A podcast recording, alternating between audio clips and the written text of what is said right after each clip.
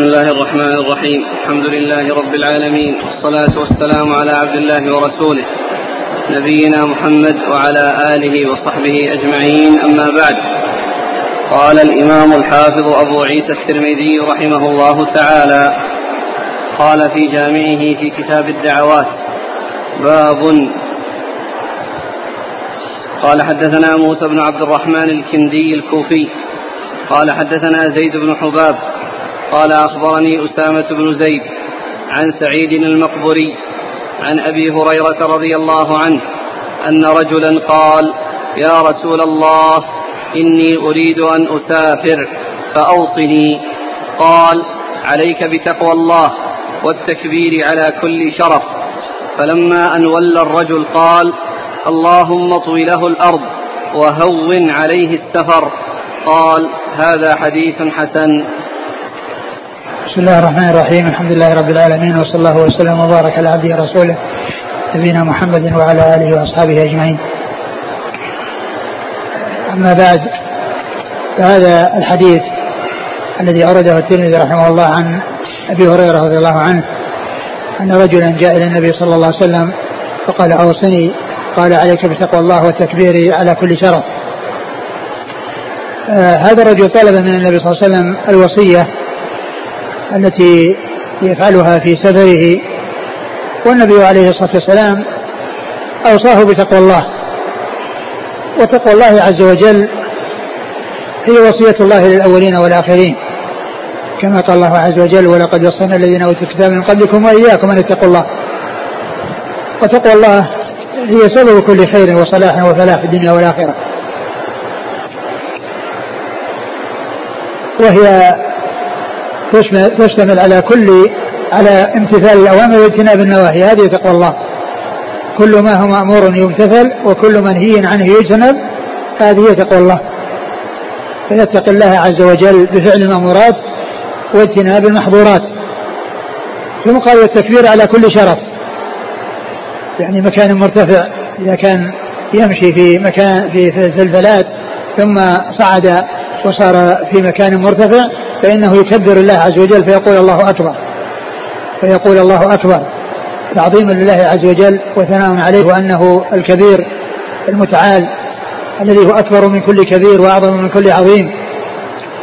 وفي هذا الإشارة إلى إلى إلى كون الإنسان يكون إنسان ضعيف وأن ليس من شأنه إلا الذل والخضوع لله عز وجل والابتعاد عن الاستكبار والثناء على الله عز وجل بما هو أهله وأنه هو الأكبر فيكبر الله عز وجل على الأماكن المرتفعة في حال سفره. وهذا هو محل الشاهد من إيراد الحديث في الذكر يعني في المسافر وأنه يكبر الله عز وجل على الأماكن المرتفعة. نعم. قال إني أريد أن أسافر فأوصني. نعم قال عليك بتقوى الله طلب الوصية. نعم طلب الوصية طلب من النبي صلى الله عليه وسلم الوصية أن يوصيه فأوصاه بتقوى الله. وهي وصية الله للأول وهي وصية الله للأولين والآخرين. فأوصاه بهذه الوصية التي هي وصية الله للأولين والآخرين. وأيضا التكبير الذي هو الذكر الذي هو ذكر الله عز وجل والدعاء. وهذا الذي أورده المصنف في كتاب الدعوات من أجله لأنه دعاء لأنه ذكر لله عز وجل وثناء عليه سبحانه وتعالى. فهذا فهذا يدل على كمال حرص الصحابة على الخير وعلى فضلهم وعلى طلبهم ال ال ال ال الوصية من رسول الله صلى الله عليه وسلم عند ما يعرض لهم حال من الأحوال كسفر أو غيره. الرسول صلى الله عليه وسلم أوصى بها بين هذه الوصية الجامعة التي هي تقوى الله في جميع أحواله وفي جميع شؤونه في سفره وغير سفره وأن يكبر الله عز وجل على كل مكان مرتفع الذي هو الشرف أي الذي جاء ذكره في هذا الحديث. فلما أن ولى الرجل قال اللهم اطوي له الأرض وهون عليه السفر.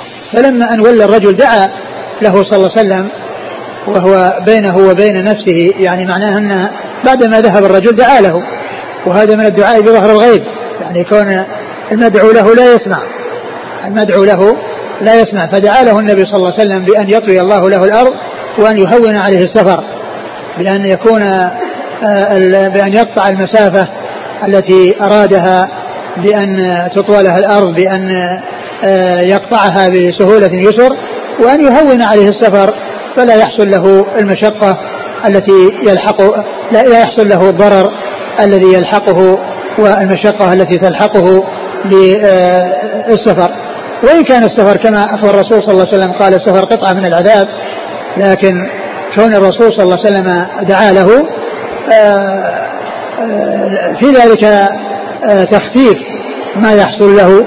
وإن كان المسافر مشغول في السفر وباله مشغول. حتى ولو كان في السفر في هذا الزمان في الطائرات فإن الإنسان يكون له عنده هم وعنده اهتمام وعنده عدم ارتياح بسبب السفر لأنه كما أخبر الرسول صلى الله عليه وسلم في الحديث الصحيح أنه قطعة من العذاب.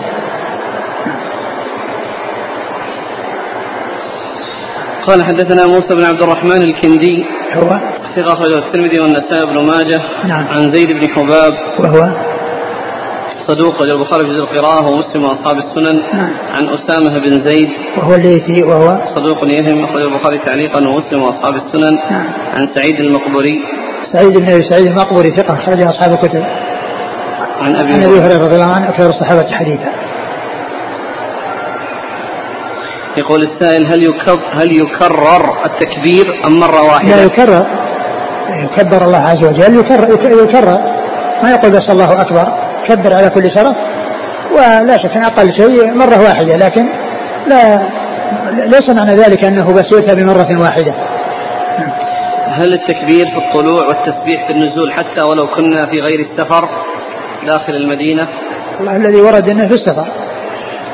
في السفر. أما إذا كان في البلد وكان فيه طلوع ونزول ما ما أعلم شيء يدل على وإنما هذا يدل جاء في الأسفار هل التكبير يكون عند ابتداء الصعود أو حتى يرقى على الشرف أعلى ما في هذا المرتفع؟ والله الله أعلم لكن الأمر في ذلك واسع. التكبير كله خير وبركة. يأتي به الإنسان آه، وهو صاعد وهو في علو الشرف. هل يقال هذا الدعاء إذا صعدت الطائرة؟ الإنسان إذا ركب الطائرة يكبر الله عز وجل لأنه فيها ارتفاع. أقول فيها ارتفاع.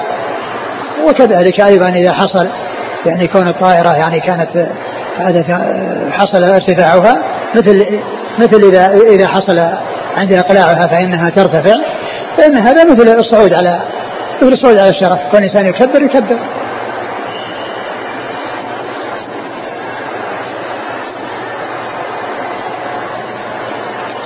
قال رحمه الله تعالى باب ما يقول إذا ركب الناقة. قال حدثنا قتيبة قال حدثنا أبو الأحوص عن أبي إسحاق عن علي بن ربيعة قال شهدت عليا رضي الله عنه أتي بدابة ليركبها فلما وضع رجله في الركاب قال بسم الله ثلاثا فلما استوى على ظهرها قال الحمد لله ثم قال سبحان الذي سخر لنا هذا وما كنا له مقرنين وإنا إلى ربنا لمنقلبون ثم قال الحمد لله ثلاثا والله أكبر ثلاثا سبحانك إني قد ظلمت نفسي فاغفر لي فإنه لا يغفر الذنوب إلا أنت. ثم ضحك. قلت من أي شيء ضحكت يا أمير المؤمنين؟ قال رأيت رسول الله صلى الله عليه وعلى آله وسلم صنع كما صنعت. ثم ضحك. فقلت من أي شيء ضحكت يا رسول الله؟ قال إن ربك ليعجب من عبده. إذا قال رب اغفر لي ذنوبي إنه لا يغفر الذنوب غيرك. قال وفي الباب عن ابن عمر رضي الله عنهما قال حديث حسن صحيح. ثم ورد أبو عيسى هذا الحديث عن علي بن أبي طالب رضي الله عنه أن النبي صلى الله عليه وسلم كان إذا يقول علي بن ربيعة شهدت عليا أتي نعم بدابة. شهدت علي نعم. شهدت عليا جاء أتي بدابه فركبها فلما وضع وضع رجله في الركاب. الركاب. قال بسم الله ثلاثا قال بسم الله. يعني سمى الله ثلاثا فقال بسم الله بسم الله. ثم قال فلما استوى على ظهرها قال الحمد لله. فلما استوى على ظهرها حمد الله عز وجل. وهو حمد لله عز وجل على جميع النعم الظاهرة والباطنة ومن هذه النعمة نعمة الركوب ونعمة تيسير المراكب. التي آه، بها يستطيع الإنسان أن يقطع المسافات على هذه الرواحل وعلى هذه المركوبات التي سخرها الله للإنسان في مختلف الأزمان. فإن هذه من نعم الله عز وجل. ولو حيل بين الإنسان وبين هذه المراكب ولم تحصل له فإنه يناله التعب والمشقة بأسفاره لأن لأنه آه، يصيبه الجهد ويصيبه التعب ولا يستطيع أن يحمل شيئا أيضا في سفره. لكن الله تعالى سخر هذه المركوبات التي تحمل الناس وتحمل أزوادهم وتحمل بضائعهم وأمتعتهم وما إلى ذلك مما هم محتاجون إليه. فهذه من أعظم نعم الله عز وجل على عباده. فيحمد الله عز وجل عند ركوب الدابة على هذه النعمة. وهي كونه يسر له مركوبا يركب عليه فيهون عليه ما يلاقيه من التعب والنصب والمشقة في السفر مثل لو كان يمشي على رجليه فإنه يصيبه من النصب والتعب ما يصيبه. فنعمة حصول المركوب عظيمة ولهذا يحمد الإنسان ربه على نعمه الظاهرة والباطنة ومنها هذه النعمة العظيمة. قال الحمد لله. ثم قال سبحان الذي سخر لنا هذا وما كنا له مقرنين وإنا إلى ربنا لمنقلبون. ثم قال سبحان الذي سخر لنا هذا وما كنا له مقرنين وإنا إلى ربنا لمنقلبون. وهذا تعظيم لله عز وجل وتنزيه له عن كل ما يلي عن كل ما لا يليق به سبحانه وتعالى وأن الإنسان عندما يركب مركوبا سواء كان ناقة أو حمارا أو بغلا أو آه، سيارة أو طائرة أو غير ذلك من المركوبات يدعو بهذا الدعاء. يعني إذا كان مسافرا وأما إذا كان ويأتي بالأدعية الأخرى المتعلقة بالسفر. وأما إذا كان غير مسافر فإنه يأتي بهذا الذكر الذي هو سبحان الذي سخر لنا هذا وما كنا له مقرنين وإن لم يكن مسافرا. لأن لأن تسخير الله عز وجل للإنسان هذه النعمة التي هي نعمة الركوب سواء كان في الحضر أو السفر آه، آه، يشكر الله عز وجل عليها ويحمد عليها. وأما بالنسبة للأسفار فإنه يضاف إليها آه، ما يتعلق بذكر الأدعية المتعلقة بالأسفار التي فيها. تهوين السفر وأن يكون الله صاحبا له في سفره وأن يخلفه في أهله وأن يقيه وعثاء السفر وما إلى ذلك. هذه يتابع بالأسفار وأما هذه الجملة أو هذه الآية التي هي آه، متعلقة بدعاء الركوب فإنه يؤتى بها ولو كان الإنسان في البلد سواء كان ركب آه، سيارة إذا ركبها وانتقل من مكان إلى مكان يقول هذا الذكر الذي هو ليس ذكر السفر وإنما هو هذه الجملة التي فيها حمد الله عز وجل وتنزيهه وشكره على هذه النعمة حيث سخر له هذا المخلوق الذي تحقق به ما يريد من حمله وانتقاله وكذلك آه، كونه آه، غير مطيق لذلك لولا تيسير الله عز وجل إياه فمثل ال ال ال هذه الإبل التي جسم الإنسان أمامها ليس بشيء ولو الله سلطها عليه ما استفاد منها ولكنه لما بتوفيق الله عز وجل ذلل هذا المخلوق أو هذه الدابة الكبيرة التي حجمها بالنسبة لحجمه أضعاف مضاعفة. فلو لم يسخرها الله عز وجل ما استفاد منها. فيقول سبحان الذي سخر لنا هذا. وما كنا له مقرنين يعني مطيقين. يعني لو تسخر الله عز وجل ما أطقنا استعماله واستفادة منه. وركوبه. ولهذا الحيوان إذا صال صار خطره كبير والناس يسعون إلى التخلص منه بأي طريقة وبأي وسيلة إذا إذا صال الحيوان ولم يستفد الناس منه. فهذه الحيوانات الله سبحانه وتعالى سخرها وكذلك هذه المركوبات من السيارات والطائرات الله سخرها. فهو يذكر الله عز وجل فيما يتعلق بركوب السيارة وركوب الدابة. يدعو بهذا الدعاء الذي سبحانه سخر لنا هذا وإذا كان مسافرا فإنه يأتي بأذكار السفر الأخرى التي هي غير هذا. نعم. سبحانه سخر لنا هذا وما كنا مقرين ثم أيضا هذه الجملة التي جاءت بلفظ هذا ما جاء فيها ذكر هذه الدابة هذه الناقة وإنما جاء سبحانه الذي سخر لنا هذا. تصلح في كل شيء. كل شيء تقال فيه بهذا اللفظ. يركب الإنسان السيارة سبحان الذي سخر لنا هذا. يركب الطائرة سبحان الذي سخر لنا هذا. يركب في المصعد يقول سبحان الذي سخر لنا هذا. صالحه لكل شيء.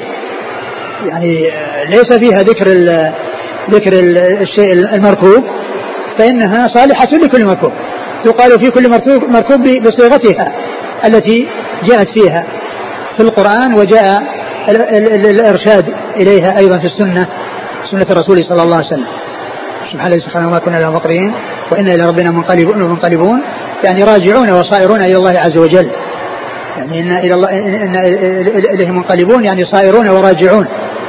وفي هذا تذكر تذكر حال الموت والانتقال من هذه الدار وأن الإنسان يعمل الأعمال الصالحة وأن هذه الحياة إنما هي معبر وممر للدار الآخرة وأن الإنسان آه، يستفيد من النعم التي أنعم الله عليه بها في هذه الحياة ويستعملها في طاعته طاعة الله ويشكر الله عز وجل عليها وأيضا يقر بالبعث والموت والرجوع إلى الله عز وجل وأن كلا سيجازى بعمله خيرا فخير وإن شرا فشر فيكون ذلك دافعا للإنسان وحافزا له إلى أن يستعد لهذا المنقلب وهذا المصير.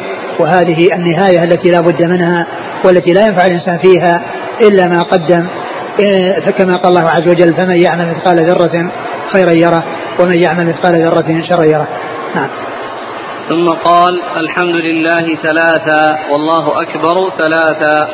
نعم تعظيم لله عز وجل حمد وثناء وتكرير للحمد وكذلك تكرير للتكبير الذي هو تعظيم لله عز وجل وأنه أكبر من كل كبير وأعظم من كل عظيم. نعم. سبحانك إني قد ظلمت نفسي فاغفر لي فإنه لا يغفر الذنوب إلا أنت. وهذا دعاء بطلب المغفرة بعد هذا التعظيم وهذا وهذا التمهيد للثناء على الله عز وجل وشكره وحمده وتكبيره والاعتراف بنعمه وأن الله سخر له ما سخر من المركوبات يعترف بذنبه ويقر بذنبه ويعلم أنه لا يغفر الذنوب إلا هو فيطلب منه المغفرة. نعم. ثم ضحك. قلت من أي شيء ضحكت يا أمير المؤمنين؟ قال رأيت رسول الله صلى الله عليه وسلم صنع كما صنعت ثم ضحك. فقلت من أي شيء ضحكت يا رسول الله؟ قال إن ربك لا يعجب من عبده إذا قال رب اغفر لي ذنوبي إنه لا يغفر الذنوب غيرك. ثم إن علي رضي الله عنه ضحك. ويعني قال لهم يعني أتدرون مما أضحك؟ وبين لهم أنه متبع في ذلك للرسول صلى الله عليه وسلم وأنه لما قال ذلك قال أن الله يعجب لعبده إذا أذنب أن يستغفره لأنه لا لا يغفر لأنه يعلم أنه لا يغفر الذنوب إلا الله عز وجل. وفي هذا إثبات صفة العجب لله عز وجل وكما أنه متصف بالعجب وبالضحك وبالرضا والسخط وكل ما ورد في كتاب الله وسنة رسوله صلى الله عليه وسلم من آه، أسماء الله وصفاته فإنه يجب الإقرار بها والاعتراف بها على الوجه الذي يليق بكمال الله وجلاله. ولا تؤول الصفات بأن آه، تفسر بصفة أخرى بحيث آه، تكون الصفة لا حقيقة لها وإنما هي مجاز. فإن هذا عمل أهل التأويل. وأما أهل السنة والجماعة فإنهم يثبتون كل شيء على ما يليق بالله سبحانه وتعالى.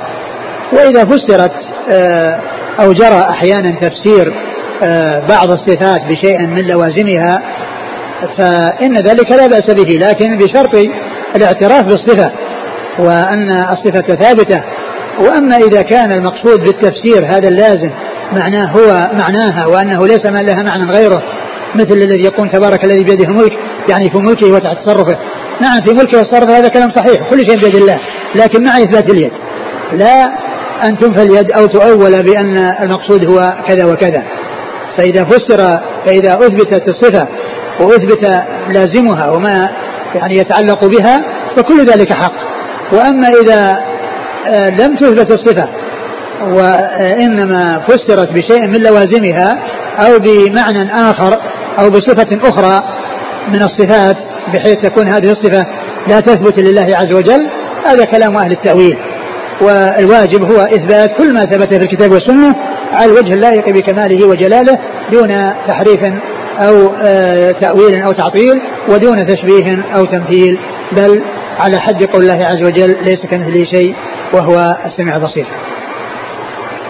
والعجب جاء في القرآن لأن إحدى القراءات التي وردت بل عجبت ويسخرون بل عجبت ويسخرون. وهذه القراءة من القراءة السبع وهي قراءة آه، ثابتة وفيها إثبات صفة العجب لله عز وجل. بل عجبت ويسخرون. والقراءة التي في المصحف الذي بأيدينا بل عجبت ويسخرون. يعني الخطاب للنبي صلى الله عليه وسلم. وأما عجبت فهو الضمير يرجع إلى الله عز وجل. نعم. قال حدثنا قتيبة قتيبة بن سعيد ثقة أخرج أصحاب الكتب. عن أبي الأحوص هو سلام بن سليم الحنفي ثقة أخرج أصحاب الكتب. عن أبي إسحاق. وهو عمرو بن عبد الله الهمداني السبيعي ثقة أخرج أصحاب الكتب. عن علي بن ربيعة. وهو؟ ثقة أخرج أصحاب الكتب. نعم. عن علي. علي بن أبي طالب أمير المؤمنين ورابع الخلفاء الراشدين الهاديين المهديين صاحب المناقب الجمة والفضائل الكثيرة وحديثه عند أصحاب الكتب الستة. وفي الباب عن ابن عمر. عبد الله بن عمر رضي الله عنهما أحد العباد له أحد المكثرين من حديث الرسول صلى الله عليه وسلم. الحديث فلما وضع رجله في الركاب. يعني الأخذ من هذا الحديث أن هذا دعاء بالسفر. هل له رواية أخرى تفسره؟ أو من أين أخذ هذا الفهم؟ أي. هذا الآن الدعاء بكامل. دعاء دعية السفر ولا دعية الحضر؟ لا سبحان الذي سخر أن هذه. بكامله. هذه وحدها يؤتى بها في في في في في, في, في الحضر والسفر. وأما ال ال التكبير والتهليل والتكبير والتحميد وما إلى ذلك والأدعية الأخرى فإنه يؤتى بها, في السفر من أين يعني لماذا خصصناها؟ الحديث الآن؟ لأنه جاء لأنه جاء في بعض الأحاديث أنه إذا سافر يقول كذا وأنه يكبر ثلاثا وجاء أنه يقول سبحان الذي سخر لنا هذا وجاء أنه يقول اللهم هون عن سفرنا وطيع عنا بعده وقال وكذلك اللهم أنت الصاحب في السفر وكل هذا جاء في السفر. وأما سبحان الذي سخر لنا هذا جاءت في القرآن لتستوى على ظهوره ثم ثم تذكر نعمة ويقول سبحان الذي سخر لنا هذا. فإنه يشمل السفر وغير السفر. لأنه بإطلاق الآية شامل للسفر وغير السفر لأنه حال الركوب. وبالنسبة للحضر آه، بالنسبة للسفر جاء أيضا بيانه في بعض الأحاديث في أدعية السفر فهي للحضر والسفر وقد جاء التنصيص عليها فيما يتعلق بالسفر. صنيع الترمذي.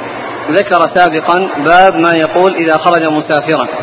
فورد في حديث أبي هريرة كان الرسول صلى الله عليه وسلم إذا سافر فركب راحلته قال بإصبعه اللهم أنت الصاحب في السفر والخير له ثم الآن قال باب ما يقول إذا ركب الناقة. أقرأ الحديث. هذا؟ عن علي بن ربيعة قال شهدت عليا أتي بدابة ليركبها. فلما وضع رجله في الركاب قال بسم الله ثلاثة. فلما استوى على ظهرها قال الحمد لله. ثم قال سبحان الذي سخر لنا هذا وما كنا له مقرنين وإنا إلى ربنا لمنقلبون. ثم قال الحمد لله ثلاثة والله أكبر ثلاثة. سبحانك إني قد ظلمت نفسي فاغفر لي فإنه لا يغفر الذنوب إلا أنت. ثم ضحك. قلت من أي شيء ما أدري ما أدري هل هل هذا يكون يعني في كل ركوب حتى حتى في غير الأسفار؟ أما الآية فإنها جاءت مطلقة لتستوى على ظهوره ثم تذكر الله عليه وتقول سبحانه سخر لنا هذا.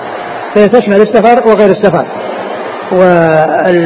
وبعض الألفاظ جاءت يعني جاء حمد الله في السفر وجاء التكبير في السفر وجاء يعني كذا. فلا أدري هل هذا الإطلاق الذي جاء يعني على أنها آه المقصود به السفر ولكنه ما جاء فيه أو أنه عام آه لا أدري لكن كونه جاء في آه في بعض أدعية السفر ذكر شيء من هذه الأشياء مثل التكبير ومثل سبحان الذي سخر لنا هذا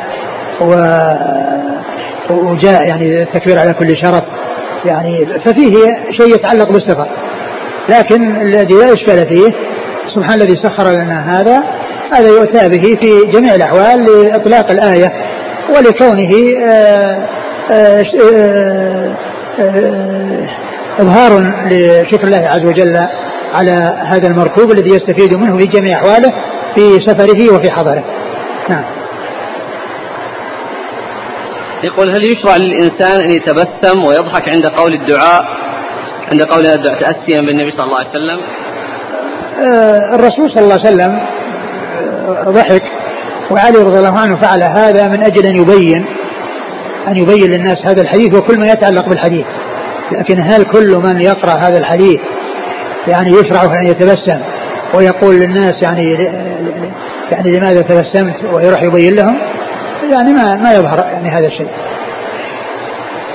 فلما وضع رجله في الركاب قال بسم الله هل ورد ما يدل على أنه يقدم رجله اليمنى في الركوب؟ ما أعلم ولكن حديث يعجبه التيمم في في في تنعله وترجله وطهوره وشأنه كله يعني يشمل هذا. فائدة من كتاب العلم الهيب شرح الكلم الطيب لبدر الدين العيني 855 قال في هذا الحديث فإن قلت ما وجه الحكمة بين القولين سبحان الذي سخر لنا هذا وما كنا له مقرنين وقوله وإنا إلى ربنا لمنقلبون. قلت إن الله لما لقن عبده شكر ما أنعم به عليه من التسخير والتمليك وأمره بالاعتراف لكونه قاصرا عن تسخير ما سخره له من مراكب البر والبحر بل الله بفضله ورحمته سخر له ذلك وأعانه عليه جعل من تمام شكره أن يتذكر عاقبة أمره. ويعلم أن استواءه على مركب الحياة كاستوائه على ظهر ما سخر له. لم يكن في المبدأ مطيقا له ولا يجد بدا من النزول عنه. ثم ليتذكر بركوب مركب الأحياء ومنه معدل ركوب مركب الأموات ولا محيد عنه. نعم. الأخ أرسل فائدة في قال ذكرها الذهبي في ترجمة الأعمش. أنه أراد عبور جدول ماء. فلقيه رجل فحمله ليعبر به. فلما حمله قال الأعمش سبحان الذي سخر لنا هذا وما كنا له مقرنين. ولما وصل به الرجل إلى وسط الجدول فتح عن يديه فسقط في الماء وقال الرجل وقل رب أنزلني منزلا مباركا وأنت خير المنزلين. إيش القصة هذه؟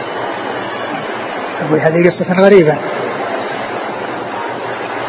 وبعدين هل هو حمله على حمله شخصيا أو حمله على على مركوب.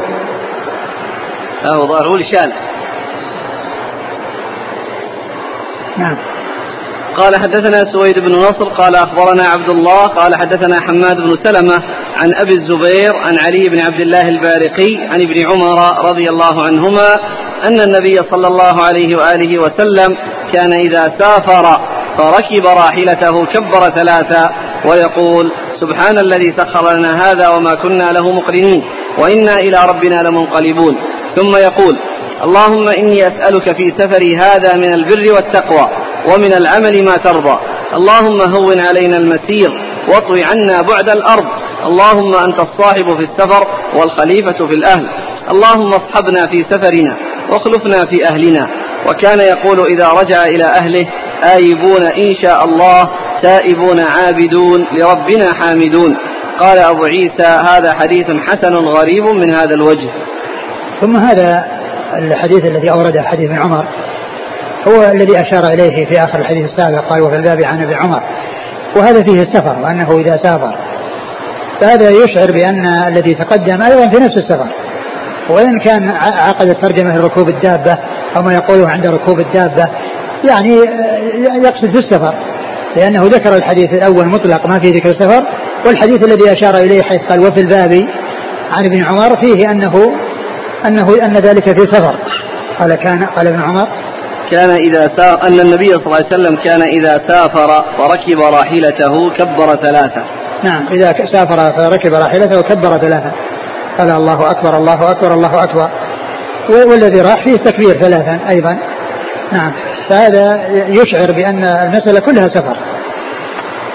وأن قضية الذكر الذي هو سبحانه الذي سخر لنا هذا الذي جاء في القرآن مطلقا يشمل آه، الذكر عند الركوب في جميع الأحوال سواء في الحضر أو في السفر.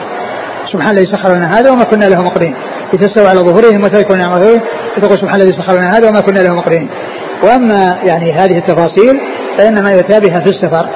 والترمذي رحمه الله يعني إيراده حديث ابن عمر الذي أشار إليه بعد الحديث السابق يعني يفهم منه أن هذا يتعلق بالسفر. كبر ثلاثا ثم قال سبحان الذي سخر لنا هذا وما كنا له مقرنين نعم. وإنا إلى ربنا لمنقلبون. نعم. ثم يقول اللهم إني أسألك في سفري هذا من البر والتقوى. ثم يقول اللهم إني أسألك في سفري هذا من البر والتقوى. في بعض الروايات اللهم إني أسألك في سفري هذا البر والتقوى. البر والتقوى يعني أن ييسر له وأن يوفقه للبر والتقوى. والبر والتقوى من الألفاظ التي إذا جمع بينها في الذكر فرق بينها في المعنى. وإذا انفرد أحدها أحدهما عن الآخر شمل المعاني التي وزعت عند عند عند عند الاجتماع. فإن التقوى إذا جاءت مفردة تزودوا فإن خير الزاد التقوى واتقون يا أولي الألباب تشمل الأوامر والنواهي. والبر إذا جاء مفردا يشمل الأوامر والنواهي لكن إذا جاء أحدهم معطوف على الآخر وتعاونوا على البر والتقوى. اللهم زودنا نسألك سبيل هذا البر والتقوى. يحمل البر على فعل الأوامر والتقوى على ترك النواهي. يعني بحيث يقسم المعنى بينهما قسمين عند اجتماعهما. مثل الفقير والمسكين. مثل الفقير والمسكين. البر والتقوى والفقير والمسكين. من, من, من, الألفاظ التي إذا اجتمعت فرق بينها في المعنى أو وزع المعنى وإذا انفرد أحدهما على الآخر اتسع لأن يستوعب المعاني كلها. فإذا البر والتقوى هنا الجمع بينهما أن البر يفسر بفعل المأمورات والتقوى تفسر بترك المنهيات وإذا أفرد البر شمل المنهيات والمأمورات وإذا أفرد التقوى شملت المنهيات والمأمورات. نعم. اللهم إني أسألك في سفري هذا من البر والتقوى ومن العمل ما ترضى. وأيضا من العمل ما ترضى يعني أن يوفقه للأعمال التي يرضاها الله عز وجل وتقرب إليه. ومن المعلوم أن العمل الذي يرضاه الله عز وجل هو الذي شرعه في كتابه وفي سنة رسوله صلى الله عليه وسلم. والأوامر والواجبات هذه لا بد منها. والمندوبات والأمور المستحبة هذه هي التي آه، إذا أتى بها الإنسان أثيب وإذا لم يأتي بها فإنه يفوته ذلك الخير ولا يعاقب. ف آه، يسأل الإنسان ربه أن يوفقه للأعمال الصالحة التي يرضاها الله عز وجل والتي تنفعه في دنياه وفي أخرى. نعم. اللهم هون علينا المسير واطوي عنا بعد الأرض. اللهم هون علينا المسير واطوي عنا بعد الأرض. يعني بأن يسهل الله لهم سفرهم فيقطع المسافة بسهولة ويسر وألا يصيبهم العناء والمشقة. التي تلحق بهم الضرر وإن كان السفر لابد فيه من المشقة. نعم. اللهم أنت الصاحب في السفر والخليفة في الأهل. نعم. اللهم اصحبنا في سفرنا واخلفنا في أهلنا. نعم هذا يرجع إلى يرجع إلى الصاحب في السفر والخليفة. أنت الصاحب في السفر وأنت الخليفة في الأهل. فاصحبنا في سفرنا بخير واخلفنا في أهلنا بخير. نعم. وكان يقول إذا رجع إلى أهله آيبون إن شاء الله تائبون عابدون لربنا حامدون. وكان يقول إذا رجع في من سفره آيبون إن شاء الله تائبون عابدون لربنا حامدون. وقد مرت هذه الرواية في بعض الأحاديث السابقة وليس فيها ذكر إن شاء الله. وإن شاء الله هنا ليست تعليقا وإنما هي تحقيقا أو تبرك بذكر اسم الله عز وجل ومشيئته سبحانه وتعالى. وليس المقصود بها التعليق وإنما هو التحقيق. يعني نحن راجعون إن شاء الله مثل ما يقال في, في, في وإن إن شاء الله بكم لاحقون والناس لاحقون بالأموات ولا, ولا بد من ذلك. وقد شاء الله أن يلحقوا. وسبقت مشيئة الله أن كل حي سيموت وأن الحي سيلحق بالأموات. فإذا هذا من باب التحقيق وليس من باب التعليق. وأيضا فيه كما قال بعض أهل العلم تبرك بذكر اسم الله عز وجل وأن هذا من باب التبرك لا من باب التقييد والتعليق وأنه آه، إن شاء حصل كذا وإن شاء ما حصل كذا. نعم.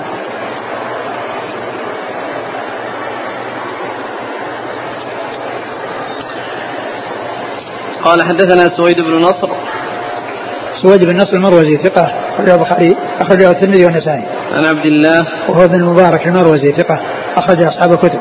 عن حماد بن سلمة ثقة أخرجه البخاري تعليقا ومسلم وأصحاب السنن. عن أبي الزبير محمد بن مسلم بن تدرس المكي صدوق أخرج أصحاب الكتب. عن علي بن عبد الله البارقي هو صدوق ربما أخطأ أخرجه مسلم وأصحاب السنن نعم. عن ابن عمر نعم.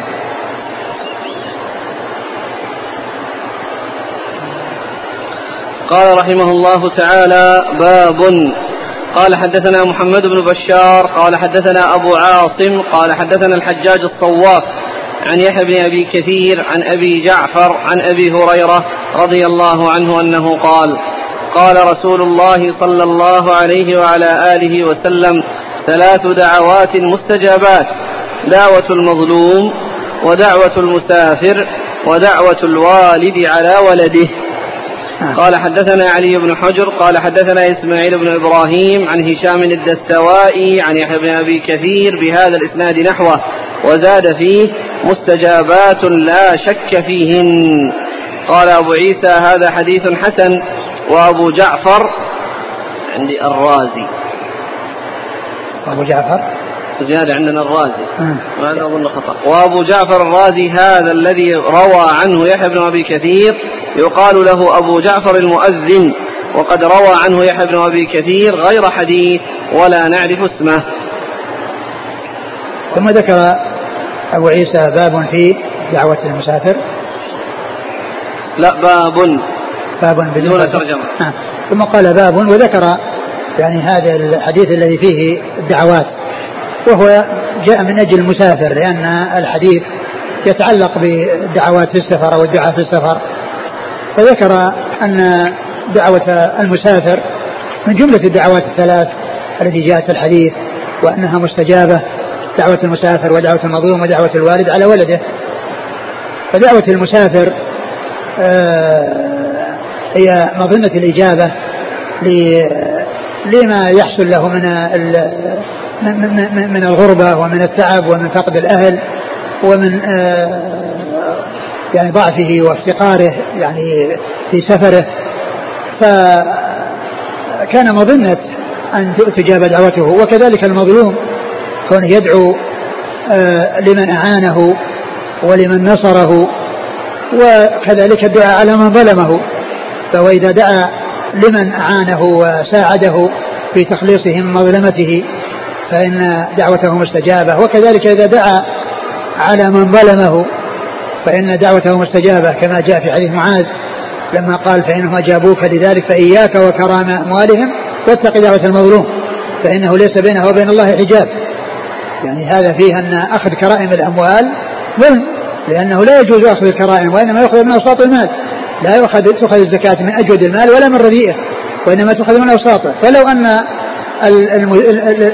العامل الذي يأخذ الزكاة أخذ الكرائم فإن أخذها يكون ظلم.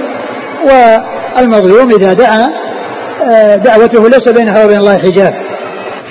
فالمظلوم دعوته مستجابة لمن, لمن أعانه في التخليص في التخلص من الظلم وعلى من ظلمه.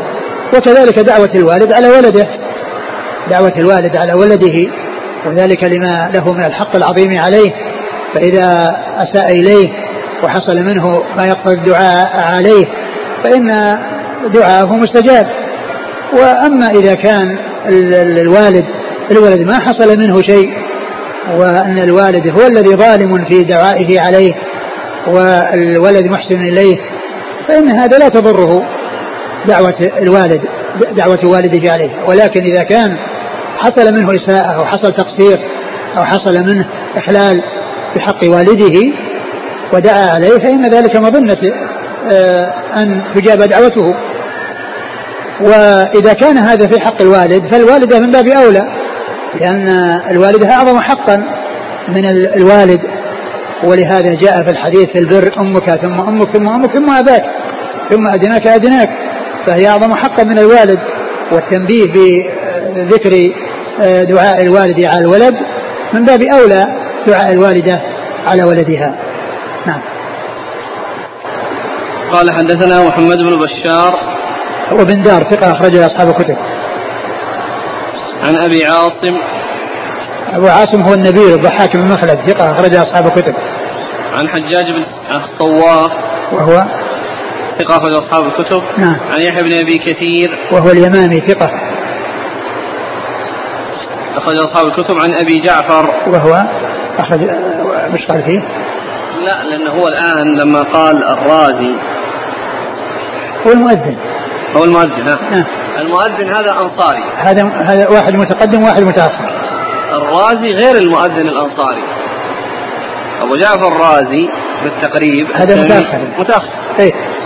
فالظاهر يعني كلمة الرازي هذه هي جاءت جاءت في في نسخة الشارح قديمة لا يوجد فيها. آه.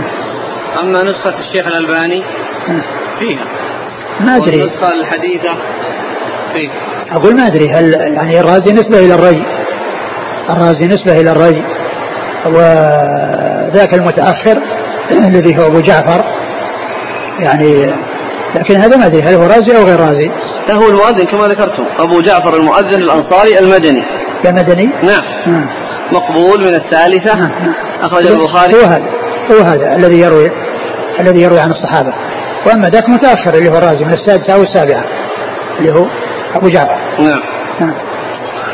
طيب دخول كلمة الرازي هذه أظنها أقول يمكن أنها يعني إلا إذا كان أنها أنه يعني نسبتين وأنه يعني مثل ما يحصل في يعني بعض الأحيان.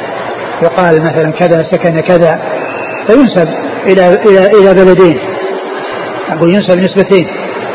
أقول إذا كان يعني فيه لهذا أصل ف فيكون يعني مدني أن سكن الري. ما أدري يعني الحقيقة ما هي. مقبول أخرجه البخاري المفرد وأبو داود والترمذي والنسائي في عمل يوم الليلة وابن ماجه. نعم. عن أبي هريرة. نعم. الطريق الثاني؟ قال حدثنا علي بن حجر. نعم. هو ثقة أخرج البخاري ومسلم والترمذي والنسائي عن إسماعيل بن إبراهيم. هو ابن علية ثقة أخرج أصحاب الكتب. عن هشام الدستوائي. ثقة أخرج أصحاب الكتب. عن يحيى بن أبي كثير. نعم. والحديث يعني في إسناده هذا الرجل المقبول ولكن الشيخ ناصر الألباني آه، حسنه أو صححه لوجود يعني ما يشهد له.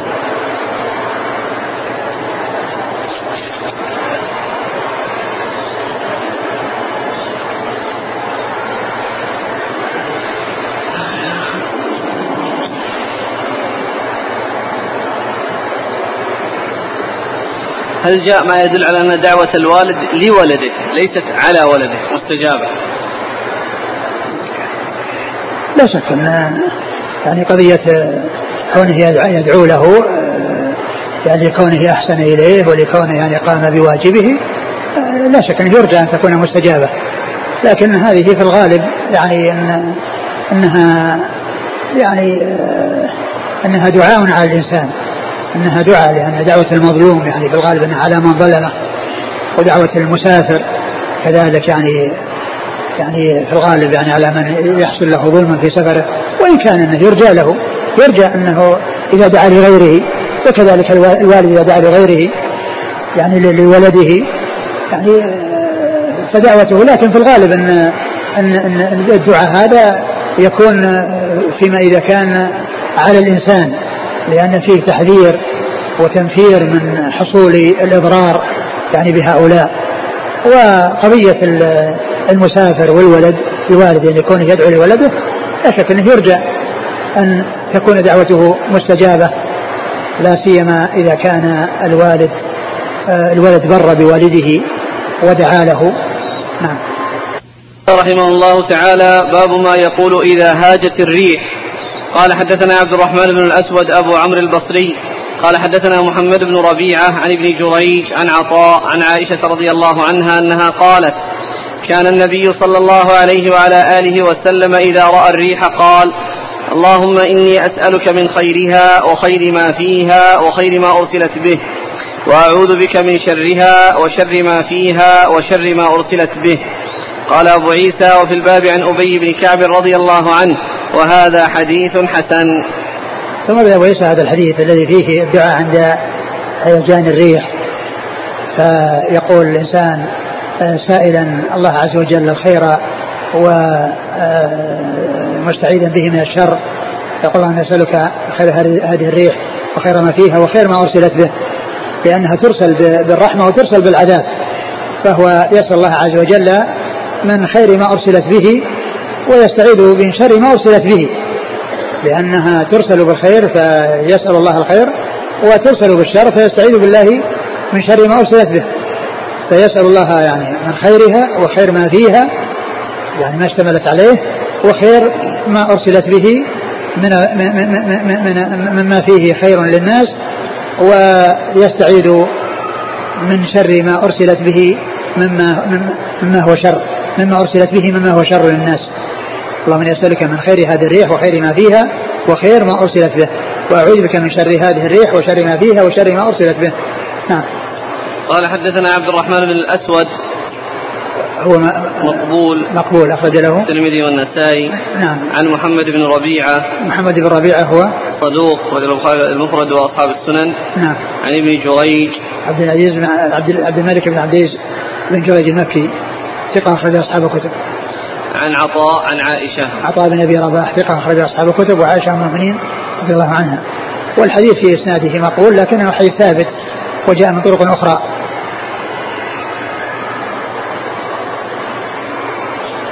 وفي الباب عن أبي بن كعب. وهذا الحديث رواه مسلم في صحيحه. نعم. أبي بن كعب رضي الله عنه أخرجه أصحاب الكتب.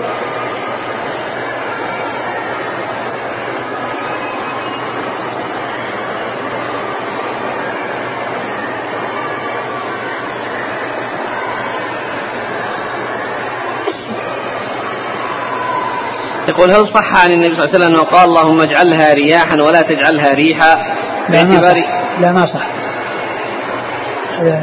ورد الأستاذ ضعيف قال باعتبار أن كل ريح ذكرت في القرآن جاءت بالعذاب أما الرياح وذكرت بالرحمة كيف؟ تعليل هذا أن نعم. الريح في القرآن إذا جاءت فإنها يراد بها العذاب. أما الرياح فذكرت في القرآن للرحمة.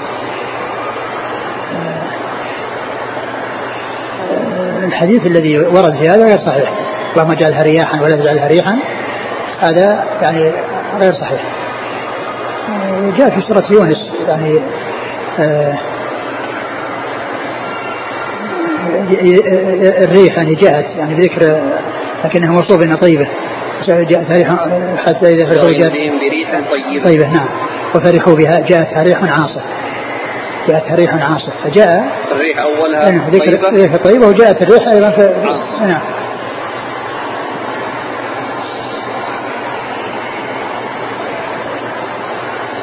وهذا يقول هل صحيح أن الريح إذا أثارت الغبار فإن هذا من مصارعة الشياطين في ذلك المكان؟ والله ما نعلم دليل يدل على هذا. قال رحمه الله تعالى باب ما يقول إذا سمع الرعد. قال حدثنا قتيبة قال حدثنا عبد الواحد بن زياد عن الحجاج بن أرطاه عن أبي مطر عن سالم بن عبد الله بن عمر عن أبيه رضي الله عنه أن رسول الله صلى الله عليه وعلى آله وسلم كان إذا سمع صوت الرعد والصواعق قال اللهم لا تقتلنا بغضبك. ولا تهلكنا بعذابك وعافنا قبل ذلك. قال هذا حديث غريب لا نعرفه إلا من هذا الوجه. إذا سمع ما يقول إذا سمع الرعد. نعم ما يقول إذا سمع الرعد. يعني أورد فيه أبو عيسى هذا الحديث أنه كان يقول إذا سمع الرعد والصواعق اللهم لا تقلنا بغضبك ولا تهلكنا بعذابك وعافنا قبل ذلك. فالرعد هذا الصوت الذي يسمع وقيل إن جاء ما يدل على أنه آه، صوت الملك يزجر السحاب والصواعق. قيل إنها الصوت الشديد الذي يصم الآذان ويعني يهلك الناس مثل ما يعني يحصل الإهلاك بالصواعق. ومثل ما يحصل آه، كون الصنم يحصل بالصواعق كما جاء في القرآن يعيون أصابعهم في آذانهم من الصواعق حذر الموت. وأيضا كذلك ما يحصل من من الشهب ومن الأشياء التي تنزل فيحصل بها يعني إهلاك من تقع عليه أو ما تقع عليه من من ال البنيان والجمادات وما إلى ذلك فإن لها تأثير في الأرض بإذن الله عز وجل. فالصواعق تطلق على يعني هذا الذي يخرج مع حصول الصواعق وحصول الرعد الشديد من آه، نزول الشيء الذي يحصل به الضرر وكذلك أيضا ما يحصل بها من العذاب لأن الصيحة والصعقة يعني يموت بها تكون سبب موت الناس إذا شاء الله عز وجل. وقد جاء في القرآن يجعلون أصابعهم في أذانهم من الصواعق حذر الموت. والله محيط بالكافرين. والحديث آه، آه، ضعيف. والذي ورد يعني وصح في الدعاء عند الرعد. سبحان من سبح الرعد بحمده والملائكة من خيفته. هذا هو الذي صح وثبت. نعم. قال حدثنا قتيبة عن عبد الواحد بن زياد. هو؟ ثقة أخرج أصحاب الكتب. نعم. عن الحجاج بن أرطاه. هذا صدوق كثير الخطأ والتدليس. نعم. أخرج البخاري في المفرد ومسلم وأصحاب السنن. نعم. عن؟ عن أبي مطر عن أبي مطر وهو مجهول أخرج نعم. البخاري في الأدب المفرد والترمذي والنسائي عن. سالم بن عبد الله بن عمر عن ابيه. سالم بن عبد الله بن عمر ثقة فقيه أخرجه أصحاب الكتب وفيه هذان الرجلان الحجاج بن أرطاة وهو مدلس وأبو مطر هذا وهو مجهول نعم يقول الأخ جاء في أثر صححه الشيخ الألباني رحمه الله في الأدب المفرد أن ابن عباس كان يقول الرعد ملك ينعق بالسحاب كما ينعق الراعي بغنمه ألا يدل هذا على أن الصوت صوت الملك؟ نعم بعض أهل قال أنه صوت الملك. بعضهم قال يعني صوت زجره زجره. يعني ف وقد جاء في الحديث انه ان الرعد انه انه ملك. نعم. آه، لطيفة من البداية والنهاية. يقول ابن كثير كان عمر بن عبد العزيز في سفر مع سليمان بن عبد الملك. فأصابتهم السماء برعد وبرق وظلمة وريح شديد وريح شديدة حتى فزعوا لذلك.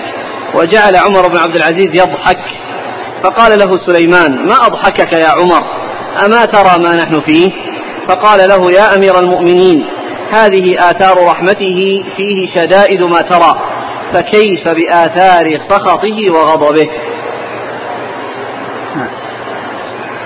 هكذا أورده ابن كثير زي النهاية وأورده الذهبي في تاريخ الإسلام عن الشعبي.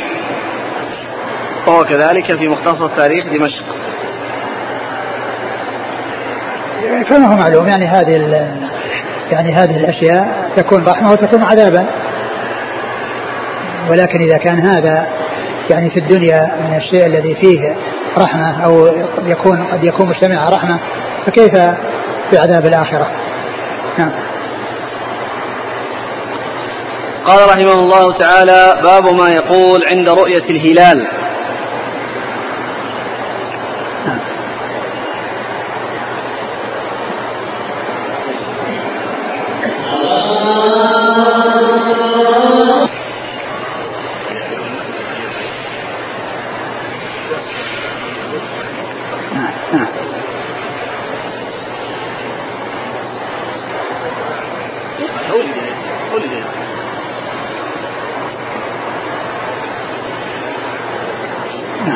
قال رحمه الله تعالى باب ما يقول عند رؤية الهلال. قال حدثنا محمد بن بشار. قال حدثنا أبو عامر العقدي. قال حدثنا سليمان بن سفيان المدني. قال حدثنا بلال بن يحيى بن, بن طلحة بن عبيد الله. عن أبيه عن جده طلحة بن عبيد الله رضي الله عنه أن النبي صلى الله عليه وعلى آله وسلم كان إذا رأى الهلال قال اللهم أهله علينا باليمن والإيمان والسلامة والإسلام ربي وربك الله. قال أبو عيسى هذا حديث حسن غريب. ثم ورد أبو عيسى باب ما يقال عند رؤية الهلال. في أول الشهر عندما يهل الهلال فإنه يؤتى بهذا الذكر. اللهم أهله علينا باليمن والإيمان وفي بعض الروايات في الحديث بالأمن والإيمان والسلامة والإسلام. والتوفيق لما تحب وترضى. فهذا دعاء يؤتى به عند دخول الشهر وعندما يرى الهلال. اللهم اهله علينا بالأمن والإيمان أو باليمن والإيمان والسلامة والإسلام والتوفيق لما تحب وترضى و وذلك عند رؤية الهلال في أول ما يرى في أول الشهر. وأما وقيل إنه في اليوم الأول والثاني والثالث وبعد ذلك يصير قمرا. يعني ذهب عن يكون هلالا وإنما الهلال يكون في أول الشهر. فيؤتى بهذا الدعاء الذي فيه الجمع بين اليمن وهو البركة وكذلك الأمن الذي هو ضد الخوف والإيمان الذي هو تقوية الإيمان والثبات على الإيمان. فهذا ذكر والحديث في إسناده من فيه ضعف ولكنه جاء من بعض الطرق الأخرى التي هي مثلها مثله لا تخلو من ضعف ولكن يقوي بعضها بعضا. نعم. صح كيف يا شيخ؟ صحة الحديث؟ اللهم اهله علينا بالامن والإيمان. والسلامة والاسلام لا الصحة من حيث الصحة الأسانيد. ورد له إسناد آخر غير هذا؟ اي نعم. في إسناد آخر اللي فيه الأمن والإيمان. والباقي سواء؟ لا. لأن هذاك في الأمن والإيمان والسلامة والاسلام أيضا. والتوفيق لما تحب وترضى جاء هذا في اظن في الدارمي ليس في ربي وربك الله. ما هنا اللفظ شو؟ رضي هنا اللهم أهله علينا باليمن والإيمان نعم. والسلامة والإسلام نعم. ربي وربك الله نعم. ما أتذكر هل فيه ولا ما فيه لكنه جاء من طريق آخر وفيه أيضا ضعف لكن إذا ضم إلى هذا يقوى نعم. قال حدثنا محمد بن بشار عن أبي عامر العقدي محمد بن بشار هو الملقب الدار ثقة أخرجه أصحاب الكتب عامر العقدي هو عبد الملك بن عمرو. بن عمرو وهو ثقة أخرج أصحاب نعم. عن سليمان بن سفيان المدني. وهذا ضعيف وله نعم. الترمذي. نعم. عن بلال بن يحيى بن طلحة. وهذا مقبول. لين. لين نعم. الترمذي. عن نعم. أبيه. نعم. ثقة أخرجه الترمذي. والنسائي بن ماجه. عن جده طلحة بن عبيد الله طلحة بن عبيد الله رضي الله عنه أحد العشرة المبشرين بالجنة وحديثه أخرجه أصحاب الكتب الستة. يقول الأخ ذكر ابن قتيبة الدينوري في كتابه أدب الكاتب أن القمر له منازل وكل منزلة, منزلة لها, لها اسم ومن ذلك الهلال يطلق على الأيام الثلاثة الأولى. نعم. يقول أفلا يكون الدعاء مقصورا على هذه الأيام الثلاثة؟ ما دام أنه يسمى هلالا إلا, إلا. الهلال ما هو إذا رأى الهلال ما هو إذا رأى القمر. نعم. هل جاء في بعض الروايات التكبير ثلاثا في أول الدعاء؟ والنظر إلى الهلال حين قوله هذا الدعاء. النظر ما يعني إذا رأى. يعني بقول إذا رأى. يعني معناه رأى الهلال قال هذا الكلام. قال رحمه الله تعالى باب ما يقول عند الغضب.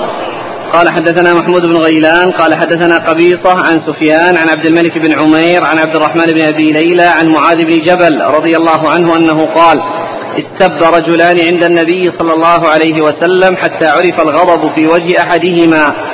فقال النبي صلى الله عليه وسلم إني لأعلم كلمة لو قالها لذهب غضبه. أعوذ بالله من الشيطان الرجيم. قال حدثنا بندار قال حدثنا عبد الرحمن عن سفيان بهذا الإسناد نحوه. قال وفي الباب عن سليمان بن صرد رضي الله عنه قال وهذا حديث مرسل. عبد الرحمن بن أبي ليلى لم يسمع من معاذ بن جبل. مات معاذ في خلافه عمر بن الخطاب. وقتل عمر بن الخطاب وعبد الرحمن بن أبي ليلى غلام ابن ست سنين. وهكذا روى شعبة عن الحكم عن عبد الرحمن بن أبي ليلى. وقد روى عبد الرحمن بن أبي ليلى عن عمر بن الخطاب ورآه وعبد الرحمن بن أبي ليلى يكنى أبا عيسى. وأبو ليلى اسمه يسار. وروي عن عبد الرحمن بن أبي ليلى قال أدركت عشرين ومائة من أصحاب النبي صلى الله عليه وسلم. اورد أبو عيسى باب ما يقول عند الغضب وهو أنه يتعوذ بالله من الشيطان فيقول أعوذ بالله من الشيطان الرجيم. فتكون لأن الغضب من الشيطان فإذا تعوذ بالله منه فإنه يذهب عنه ذلك الذي حصل له بسبب الشيطان. يستعاذ بالله من الشيطان الرجيم. ورد فيه حديث معاذ بن جبل رضي الله عنه وهو مرسل كما قال المصنف لأن عبد الرحمن بن أبي ليلى لم لم يدرك معاذا لأن معاذا توفي في طاعون عمواس سنة 18 و وهو إنما أدرك يعني خمس سنوات أو ست سنوات من خلافة عمر فيكون عمره يعني حين وفاة معاذ سنة أو سنتين فاذا هو مرسل. ولكن الحديث ثبت في الصحيحين من حديث آه، سليمان بن صرد الذي أشار إليه المصنف. فالحديث ثابت عن رسول الله صلى الله عليه وسلم وأنه عند الغضب يتعوذ بالله من الشيطان الرجيم وأن يكون في ذلك أنه يذهب ما يجد باستعاذته بالله من الشيطان الرجيم. نعم. قال حدثنا محمود بن غيلان ثقة أخرجه أصحاب الكتب إلا أبا داود. عن قبيصة هو صدوق ربما خالف أخرجه أصحاب الكتب. عن سفيان سفيان هو الثوري ثقة أخرجه أصحاب الكتب. عن عبد الملك بن عمير. ثقة أخرجه أصحاب الكتب. عن عبد الرحمن بن أبي ليلى. ثقة أخرجه أصحاب الكتب. عن معاذ بن جبل. رضي الله عنه أخرجه أصحاب الكتب. قال حدثنا بندار عن عبد الرحمن عن سفيان. عبد الرحمن هو بن مهدي ثقة أخرجه أصحاب الكتب. وفي الباب عن سليمان بن صرد. رضي الله عنه أخرجه أصحاب الكتب. قال وهكذا روى شعبة عن الحكم. شعبة بالحجاج الواسطي ثقة أخرجه أصحاب الكتب والحكم بن عتيبة ثقة أخرجه أصحاب الكتب. قال وقد روى عبد الرحمن بن أبي ليلى عن عمر بن الخطاب ورآه. وعبد الرحمن بن أبي ليلى يكنى أبا عيسى وأبو ليلى اسمه يسار وروي عن عبد الرحمن بن أبي ليلى قال أدركت عشرين ومائة من أصحاب النبي صلى الله عليه وسلم. نعم لأنه متقدم ما دام أنه مولود في خلافة عمر فلا شك أنه أدرك يعني عدد كبير من الصحابة.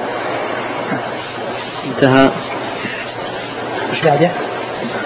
إيه بعده إذا رأى رؤيا يكرهها. والله تعالى أعلم وصلى الله وسلم وبارك على نبينا ورسولنا محمد وعلى آله وصحبه أجمعين. جزاكم الله خيرا وبارك الله فيكم. ألهمكم الله الصواب وفقكم الحق ونفعنا الله ما سمعنا وغفر الله لنا ولكم المسلمين أجمعين.